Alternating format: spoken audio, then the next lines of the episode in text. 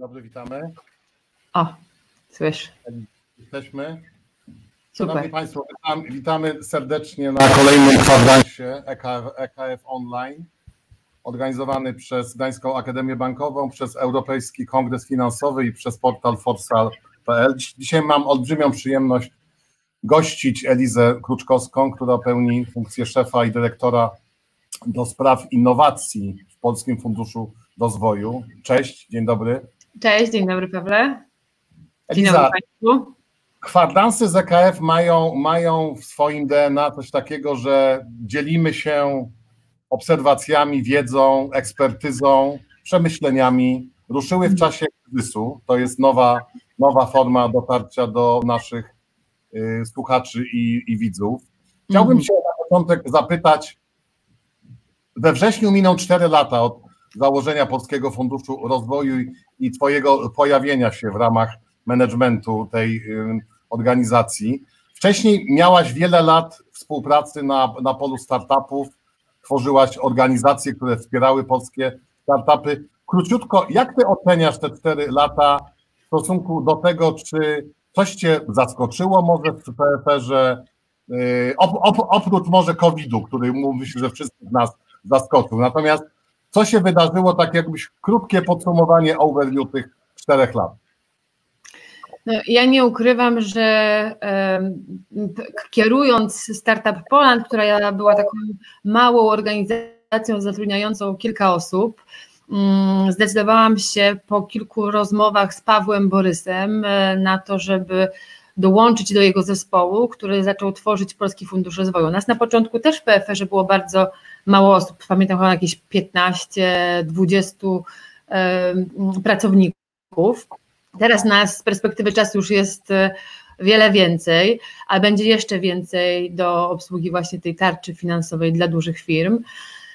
I tak, na pewno, mm, na pewno sama, sam leadership Pawła Borysa, e, który do tej pory mi imponuje i bardzo dużo się od niego uczę. E, Ta jego taka miks wiedzy ekonomicznej z, tak, z taką elegancją menadżerską, e, mm, w dalszym ciągu mi bardzo imponuje i to fajnie być w towarzystwie osób, od których możesz się cały czas uczyć i ja przez te 4 lata się od niego dużo uczę. E, A poza tym zobaczyłam też, jak pod jego kierownictwem z takiej małej organizacji stworzyliśmy coś, co myślę, że jest jedną z kluczowych instytucji rozwojowych, która finansuje rozwój od tych startupów, czym ja się zajmuję, poprzez e, wsparcie no teraz e, firm e, dużych i dużych transakcji finansowych, którymi PFR też się zajmuje. No, już nie mówiąc o, te, o tym, co się wydarzyło przez ostatnie parę miesięcy, no to też był dosyć intensywny i bardzo interesujący czas rozwojowy dla nas wszystkich. No dokładnie, ale, ale jeszcze Mhm. króciutko te 4 lata, powiedz mi, gdyby nie było COVID-u, to Tak. co ty byś teraz robiła?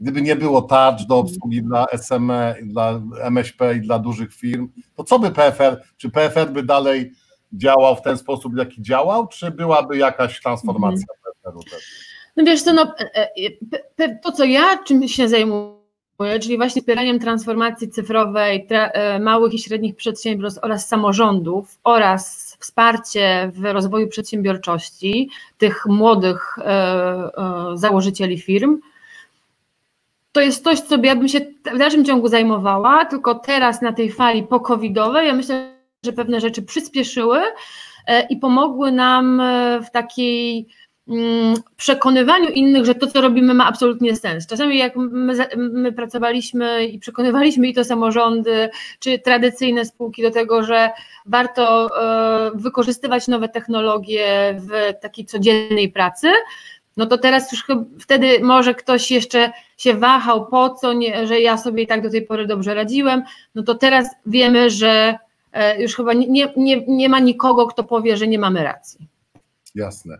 Dla naszych widzów chciałbym jeszcze gorąco Was zachęcić do zadawania pytań na slajdo. Możecie i na Facebooku, i na Mhm. forsal.pl zadawać pytania do Elizy i do mnie. Po, pod koniec kwadransa tego umow, umownego będziemy się y, starali od, odnieść do tych pytań. No dobrze, a teraz wejdźmy już w te ostatnie 3-3,5 miesiąca. Mhm. Y, niezwykła, myślę, nowa rola Fund Polskiego Funduszu Rozwoju. Trochę wzięcie na barki całego ciężaru y, tarczy finansowej, którą żeście przeprowadzili. Pewnie ona cały czas trwa jeszcze, bo to było, to było w tych dwóch tak, tak. odsłonach. Czy to jest tak, że to było dzień i noc? Czy rzeczywiście siedzieli prawie 24 na 7 w marcu, w kwietniu?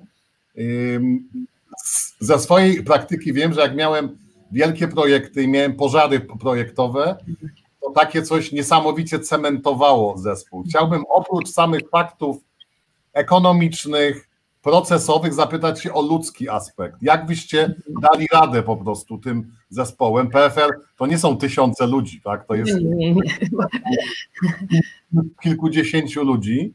Natomiast tak. no, zgadzam się pod świetnym leadershipem Pawła, którego też bardzo szanuję i pozdrawiamy go teraz serdecznie. Jak to, jak to wyglądało w tych pierwszych tygodniach? Starczą.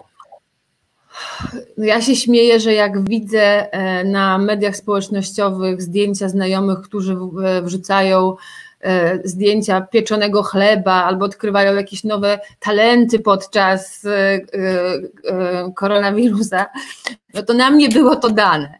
My rzeczywiście właściwie od początku poczuliśmy taką misję, że E, zresztą jak to Paweł powiedział, że wybuchła wojna, my jesteśmy sanitariuszami na tej wojnie i po prostu biegamy po polu bitwy, żeby opatrzeć tych, którzy są ranni. E, I ta mm, rola sanitariuszki bardzo e, nam wszystkim jakby zadziałała na wyobraźnię. I zrobiliśmy projekt, no, zaczęliśmy bardzo szybko wykorzystywać zasoby, które mamy, e, żeby stworzyć przewodnik dla przedsiębiorców, mając tą wiedzę taką trochę właśnie innowacyjną, wykorzystując nowe technologie w działalności naszego departamentu. My wiedzieliśmy, jak już pracować zdalnie, my wiedzieliśmy, jak e, e, wprowadzać pewne procesy, żeby ta praca z domu była efektywna, więc bardzo szybko Napisaliśmy taki podręcznik e, dla przedsiębiorcy po, pier po, pierwszej tarczy, jak skorzystać z tej pierwszej tarczy, po drugie, jak wykorzystywać nowe technologie do pracy zdalnej. E, I też e, zaczęliśmy z takim programem Platforma Antykryzysowa dla Samorządowców, ponieważ dużo samorządowców, wiedząc, że mamy taki projekt PFR dla miast, kontaktowało się z nami, żeby zapytać, co ja mam zrobić, żeby mój urząd przenieść do online'u. Więc tu e, bardzo szybko też rozpoczęliśmy z webinariami, szkoleniami, warsztatami, e, gdzie tą wiedzę, które mieliśmy, e, e tą wiedzą się dzieliliśmy. No, e, szukasz tego aspektu personalnego. No powiem Ci, że nasz prawnik, który do tej pory zajmował się takimi no, twardymi transakcjami e, finansowymi, e, po kilku tygodniach takiej naprawdę intensywnej pracy, bo my e, mało spaliśmy, prawie cały czas pracowaliśmy, również weekendami, powiedział, że on pierwszy raz ma poczucie, że jego praca ma sens. I to jest tak, to było naprawdę super usłyszeć to od prawnika, e, który wcześniej zupełnie innymi rzeczami się zajmował, a teraz tak poczuł, że robi coś bardzo ważnego. No i to też ogromny sprawdzian dla, dla wszystkich pracowników, bo no my pracowaliśmy e, dużo więcej niż zawsze. E, dla mnie personalnie taka scena, kiedy ja na dwa dni przed startem programu e, muszę, e, prowadziliśmy jeszcze ostatnie testy z bankami i Moi, mój cały zespół w poniedziałek o 23 na mój telefon, słuchajcie, nie idźcie spać, bo musimy dwie najbliższe noce przetestować coś. Wszyscy wstali z łóżka i pracowali całą noc, więc... To był, to był ten słynny projekt ARKA, rozumiem, po stronie banków, tak? Dokładnie. To Arka, taka Tak, robota. nazywaliśmy to tak. Arka i nasz Noe, pan prezes Paweł Borys. dobre, naprawdę dobre, ale ta y, sanitariuszka to też jest dobre, można powiedzieć, porównanie. Tak myślę, że to zostanie z nami, tak jak będziemy kiedyś pewnie opowiadać tak, no. jak, to, jak, to, jak to było. No, no dobrze, ale nie byłbym sobą, Eliza, y, mhm. pochodzę z technologii, pochodzę z tego sektora cyfrowego, PFR jest także współtwórcą tego nowego, czegoś dużego, co pojawiło się w ostatnim roku w Polsce, czyli chmury krajowej. I chciałbym widząc PFR, widząc PKO Bank, Bank, Bank Polski, jak żeście stworzyli ten podmiot mhm. i jak działamy teraz, są, są te dwie duże umowy potężne ze światowymi graczami Google'a, Microsoftu, jest operator. Mhm. Y, powiedz mi, widząc tarcze, widząc małe i średnie przedsiębiorstwa, duże, duże firmy, czy pamiętam Twoje zaangażowanie, jak tworzyłaś Polski Dom Technologii też, tam ten, to całą tak. przestrzeń, gdzie macie bardzo fajne, zresztą zapraszam Państwa zawsze, jak jesteście, dobry mhm. oglądać te, te wystawy w PFR-ze, które tam można y, oglądać, te demo takie laboratoryjne. Jak, jak Ty myślisz, czy, bo często mam tak, że przy tej cyfryzacji w praktyce, to klienci mówią tak, no dobrze, my byśmy to chcieli robić, ale jest kryzys, a ta cyfryzacja kosztuje.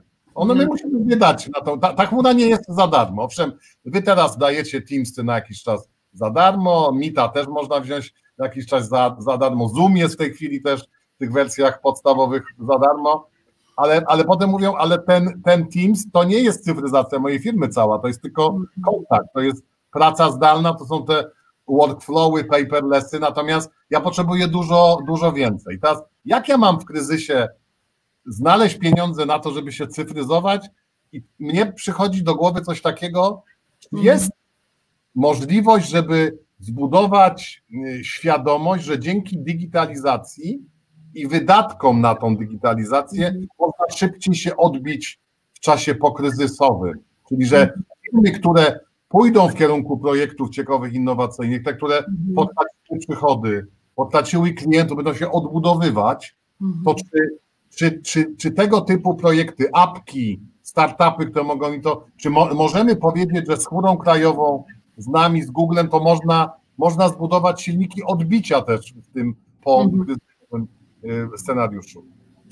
No to, to dosyć ciekawe pytanie, jakie zadajesz, bo my y, rzeczywiście można budować komunikację na strachu, przed e, trzecią falą, e, znaczy drugą falą, odbiciem tego, co będzie na jesieni.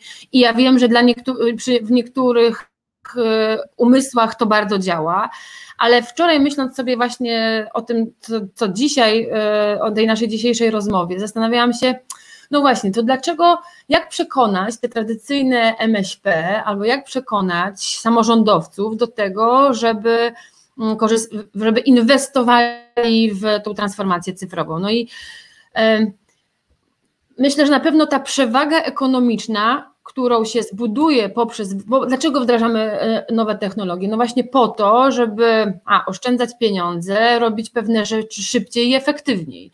E, I e, myślę, że ta ostatnie parę miesięcy pokazały, że rzeczywiście jesteśmy w stanie to zrobić. Poza tym myślę, że poziom bezpieczeństwa również się zwiększy przy tych rozwiązaniach chmurowych, a też taka elastyczność, no dużo się mówi o przedsiębiorstwach e, agile'owych, a obecne czasy też trochę pokazały, że musimy bardzo elastycznie podchodzić do tej sytuacji i to jak zarządzamy e, jest bardzo ważne, żeby robić to właśnie w ten zwinny sposób też jest możliwe właśnie dzięki wdrożeniu tych nowych technologii. Więc tych, tych punktów można sobie elastyczność, bezpieczeństwo, e, poziom przewagi ekonomicznej.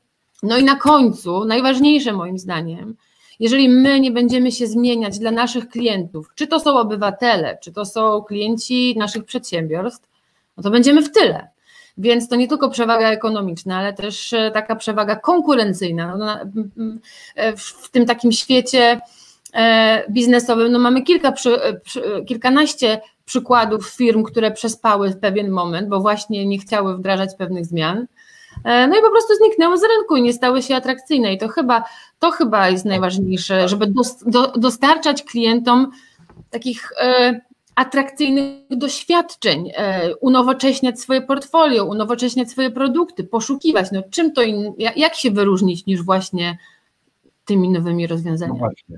Bo tak jak lubisz ty używać porównania, ja też czasami sięgam do takich, żeby, żeby, żeby mhm. bardziej przeciętnemu użytkownikowi tak. uzmysłowić, czym jest ta chmura i ta cyfryzacja. Myślę sobie tak, że ten COVID i te przykłady właśnie przyspieszonej digitalizacji, mówimy o tym, że dwa, mhm. dwa miesiące wykonaliśmy dwa lata transformacji, to jest coś takiego, że trochę duża część z nas, mhm. Organizacja została zmuszona do przesiadki z samochodów z silnikami tradycyjnymi, na przykład dieslowskimi, do elektrycznych lub do wodorowych, bo tak bym potraktował chmurę, że to, są, to jest elektryk, to jest wodór.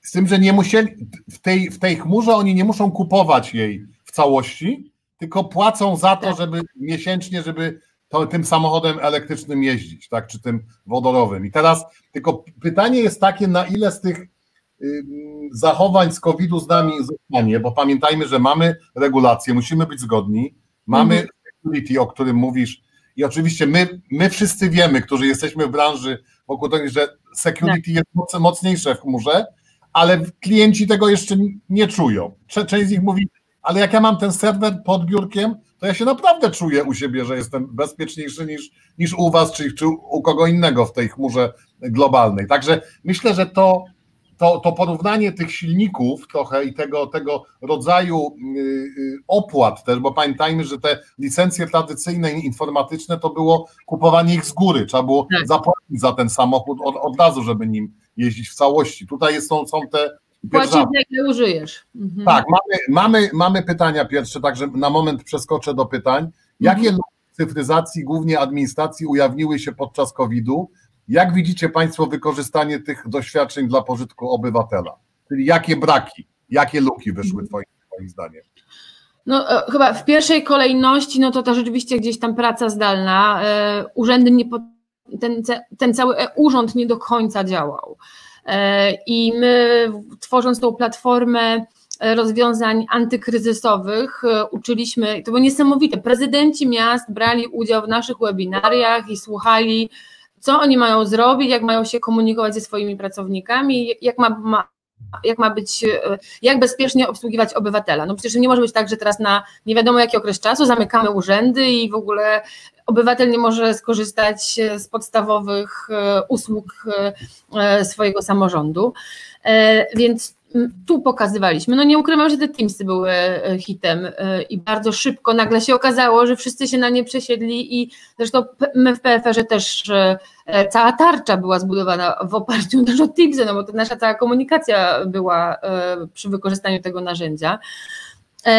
Więc kwestia edukacji, kwestia pracy zdalnej, bezpieczeństwa.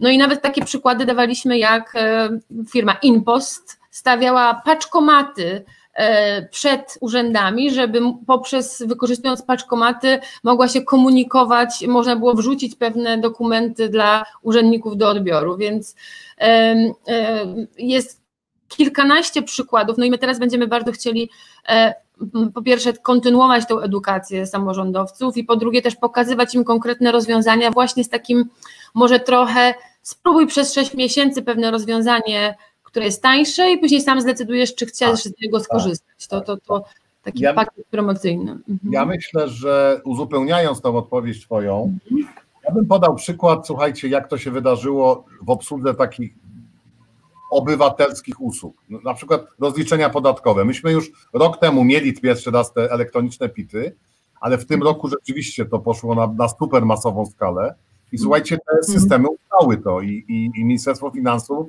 było w stanie rzeczywiście obsłużyć podatkowo nasze, no, one były oczywiście miesiąc później, myślę, tak. że dobrze to było, że to było ten miesiąc przedłużony, ale wydaje mi się, odpowiadając na bezpośrednio tego naszego widza na to pytanie, to chyba wyszło mniej luk niż, niż żeśmy się normalnie spodziewali, że w sektorze mhm. administracji ich wyjdzie, bo zgadzam się z Tobą, że praca zdalna na, na szczeblu powiatów, samorządów, tam były potwornie duże wyzwania, ale z tygodnia na tydzień to się tak. stabilizowało. Ja widziałem też, jak, jak właśnie Teamsy, y, y, ten tak zwany coverage, czyli pokrycie ilością użytkowników, jak to rośnie. Drugie mamy pytanie bezpośrednio do, do Ciebie. Jakie działania przewiduje PFR w ramach GovTech? Czy tutaj spodziewać się można wsparcia finansowego, organizacyjnego i czy upatruje się szansy na wychodzenie z kryzysu we, we współpracy z samorządami? Absolutnie. Ja tylko jeszcze podam przykład, jak NFZ zaczął wykorzystywać chatbota do komunikacji e, z, e, z obywatelami no to też był dla mnie hit, prawda? Czyli to też jest pokazanie, że rzeczywiście bardzo szybko przez te parę e, ostatnich tygodni wszyscy nauczyli się technologii. No, kto, kto by pomyślał, że NFZ będzie miał chatbota? A co do samego GovTechu, e, to my mamy taki program PFR dla miast, gdzie właśnie próbujemy stworzyć takiego MBA dla samorządowców i chcielibyśmy Takim naszym marzeniem jest, żeby w każdym polskim samorządzie był tak zwany CTO, czyli taki Chief Technology Officer, czyli certyfikowany ekspert do tego, który rozumie, jak tworzyć, e, jak zarządzać przy wykorzystaniu nowych technologii miastem. Może by to być jakiś taki doradca prezydenta, burmistrza. E, to my byśmy chcieli takie osoby szkolić i od września rozpoczynamy taki program edukacyjny, bo Oczywiście pieniądze pieniędzmi, była kolejna teraz Fundusz Inwestycji Samorządowych, u nas takimi rzeczami inwestycyjnymi się zajmuje. Niemniej jednak ja uważam, że to jest ogromny czas na to, żeby edukować i iść na tej fali e, po pandemicznej, żeby pokazywać, że teraz słuchajcie, skorzystajcie z tego i z tego. No dobrze, to teraz jeszcze chodźmy do naszego scenariusza, cośmy się omówili przed y, programem. Chciałbym się zapytać o Smart City. Pamiętam kilka miesięcy temu, jeszcze przed kryzysem, rozmawialiśmy o tym, ty mówiłaś, biorę na warsztat u siebie Smart City, jest to jeden z moich priorytetów. To jest takie stwierdzenie, które od pięciu lat chodziło i konferencyjnie, i eventowo, wszyscy mówili o tym, a, a potem ktoś pytał, no, no dobrze, ale pokażcie przykłady tego, mhm. co się wydarzyło. Są jakieś pojedyncze oczywiście rzeczy, natomiast no, mamy mnóstwo wyzwań wokół tego inteligentnego miasta. Jakbyś mogła powiedzieć i swoją jako, jako Chief Innovation Officera i PFR-u taką wizję wsparcia dla tych inteligentnych miast. Mhm. No my w ogóle zrezygnowaliśmy ze słowa Smart City, e, okay. bo e, po rozmowie z różnymi samorządowcami, jak ktoś słyszy Smart City, okazuje się, że robi krok w tył, uważa, że to jest marketingowy e, wytrych firm informatycznych i w ogóle nie kojarzy mi się absolutnie, tak jak mówisz, z niczym, co zostało osiągnięte przez ostatnie pięć lat. Więc my mamy taką trochę wizję, że Nie, nie zrobudujemy tutaj kolejnego Dubaju w tym naszym kraju, a chcemy wręcz skoncentrować się na tych małych i średnich miastach, które mają ogromny potencjał i też tam bardzo często e, jest, są zarządzani przez młodych, e, otwartych włodarzy na nowe technologie. E, I prócz wsparcia finansowego, bo mamy wehikuł inwestycyjny w postaci Funduszu Inwestycji Samorządowych, który inwestuje już nie tylko w takie wodkany i tradycyjne e, e, takie spółki samorządowe, ale też szuka rozwiązań innowacyjnych, jakie mógłby e, inwestować. I kontynuujemy nasz program PFR dla miast. My, my na początku Powiedziałeś, że mało jest tam tych rozwiązań. My zebraliśmy w Polsce 30 rozwiązań dotyczących Smart City, które opisaliśmy jako case'y i będziemy chcieli wykorzystywać do pokazywania samorządowcom, którzy biorą udział w tym właśnie naszym kursie MBA, e, do tego, żeby e, zobaczyli, że nie zawsze to muszą być ogromne nakłady e, finansowe, żeby coś w mieście zmienić. Przykładem jest no chociażby Jaworzno, które zupełnie przebudowało ruch drogowy w swoim mieście i po kilku miesiącach mają efekt, że na drogach w Jaworznie, tam chyba po 19 miesiącach wprowadzenia tych zmian, nie, nikt nie zginął. No i to też jest przykład inteligentnego miasta, jak e, nie zawsze musisz e, inwestować bardzo dużo pieniędzy w nowe technologie, ale możesz tam coś, coś pozmieniać chociażby w, ruchu drogowym i, i się da. Więc takie przykłady chcemy poka pokazywać no i szukać takiej naszej polskiej drogi na to Smart City, która jest e, no nie zawsze e, pokazywana w tych marketingowych wizjach e, takiego miasta, które ma czujniki na wszystko i, i obserwuje swojego obywatela zawsze, nie, nie dbając o jego prywatność. Więc no my tak trochę staramy się ze zdrowym rozsądkiem do tego podchodzić. No super, bo to, to wydaje mi się, że też ja trochę przyglądam się i pomagam, wspieram y, zespołami mhm. naszymi wokół Ministerstwa Cyfryzacji te wszystkie działania, które są. No dużo roboty rzeczy. Że całość tego GovTechu właśnie, Gov i gov.pl, tych wszystkich nowych cyfrowych narzędzi wsparcia, to, że można przez banki się zalogować, że możesz przejść sobie tam przez te wszystkie i do ZUS-u możesz wejść, przez, do, do ePUAP. Naprawdę, słuchajcie, to pięć lat temu to byśmy mogli pomarzyć o takich, o takich. Ale zobacz, Pawle, jak e, po jednej i po drugiej stronie, po stronie użytkownika i tego, kto obsługuje ten system, jak my sprawnie się nauczyliśmy w tym środowisku żyć. Nagle się okazuje, że ta nowa technologia, której kiedyś się wszyscy bali, albo mówiono, że urzędnicy są tacy nie, mm, e, niewykształceni, że w ogóle nic nie rozumieją. Nagle się okazuje, że wszyscy wszystko rozumieją. E, jak się pewne nawet seniorów, jak prze, e, przerzucisz na korzystanie z takich komunikacji cyfrowej, też sobie w tym absolutnie poradzą, tylko po prostu trzeba ludzi przeszkolić i, i dać im szansę, o tak. No powiem Wam, że mam, mam taki prywatny sukces. Od, od sześciu lat próbowałem moją drugą mamę, ukochaną małżonkę mojej, znaczy mamę mojej, mojej żony przekonać do smart, smartfona i zrobić smartfonizację u niej. Słuchajcie, na koniec w tej chwili maja mi się to udało. Stwierdziłem, nie wiem, czy to COVID pomógł, czy, czy pewnie pomógł, tak, bo to kwestia dostępu, ale udało się, rzeczywiście mamy, mamy łączność, komunikujemy się przez komunikatory, po kolei przechodzi przez wszystkie, a jest seniorem, jest przykładem takiego seniora i, i, i myślę, że to, to wchodzi pod strzechy, coraz myślę, więcej tych usług będzie wchodzić. Natomiast chciałbym, bo mamy jeszcze trzy minuty dosłownie, mhm. mamy jedno, jedno pytanie od jeszcze jednego widza i mhm. chciałbym je połączyć trochę z ostatnim tematem kompetencje. Jak ty, Eliza, jak twoje zespoły, jeżeli chodzi o ten tak zwany skilling, upskilling, my mówimy dużo o, tych, o tej mhm. edukacji i, i chmura krajowa o, te, o tym dużo mówi, programy cywilizacyjne, podnoszenie kompetencji. Natomiast widz, widz nas pyta, jakie bloga, blokady i mity technologiczne udało się przełamać. Myślę, że częściowo ty odpowiedziałaś, bo to była ta praca zdalna, która po prostu okazało się, że obaliliśmy mit, że się nie da. Okazało no, się, że nie da i że y, można zaufać pracownikowi, bo myślę, że u nas w Polsce i to zresztą ogólnie w, w, tym regionie my jeszcze nie ufaliśmy i to nawet na poziomie zarządów dużych firm. Pamiętam, słyszałam takie komentarze kiedyś, że jak pracownik, no przecież, ale będzie pracował z nadmorza. No co z tego, że będzie pracował z nadmorza? Jeżeli będzie dobrze zarządzany i będzie wiedział, co ma robić, a ty jako jego menadżer przełożony będziesz wiedział, co mu delegujesz i czy on to wykonuje, no to on może sobie pracować z kimkolwiek chce. I pewnie w tych firmach technologicznych, jak u Was, Paweł, ta świadomość już e, była na wyższym poziomie. Ja myślę, że teraz my pokazaliśmy, tak. nasze, te tradycyjne firmy pokazały, że, że pracodawco zaufaj pracownikowi, jeżeli dobrze jakby zarządzisz procesem delegacji zadań, to on będzie efektywnie naprawdę pracował również z domu czy z nadmorza. Dokładnie, dokładnie, dokładnie. Także myślę, myślę że to jest pewnego rodzaju przykład, który wy, został wywołany przez nadzwyczajną okoliczność. Tak. Okazało się, że pewne rzeczy da się po prostu robić w trybie przyspieszonym i ta mhm. akceleracja do tego doszła.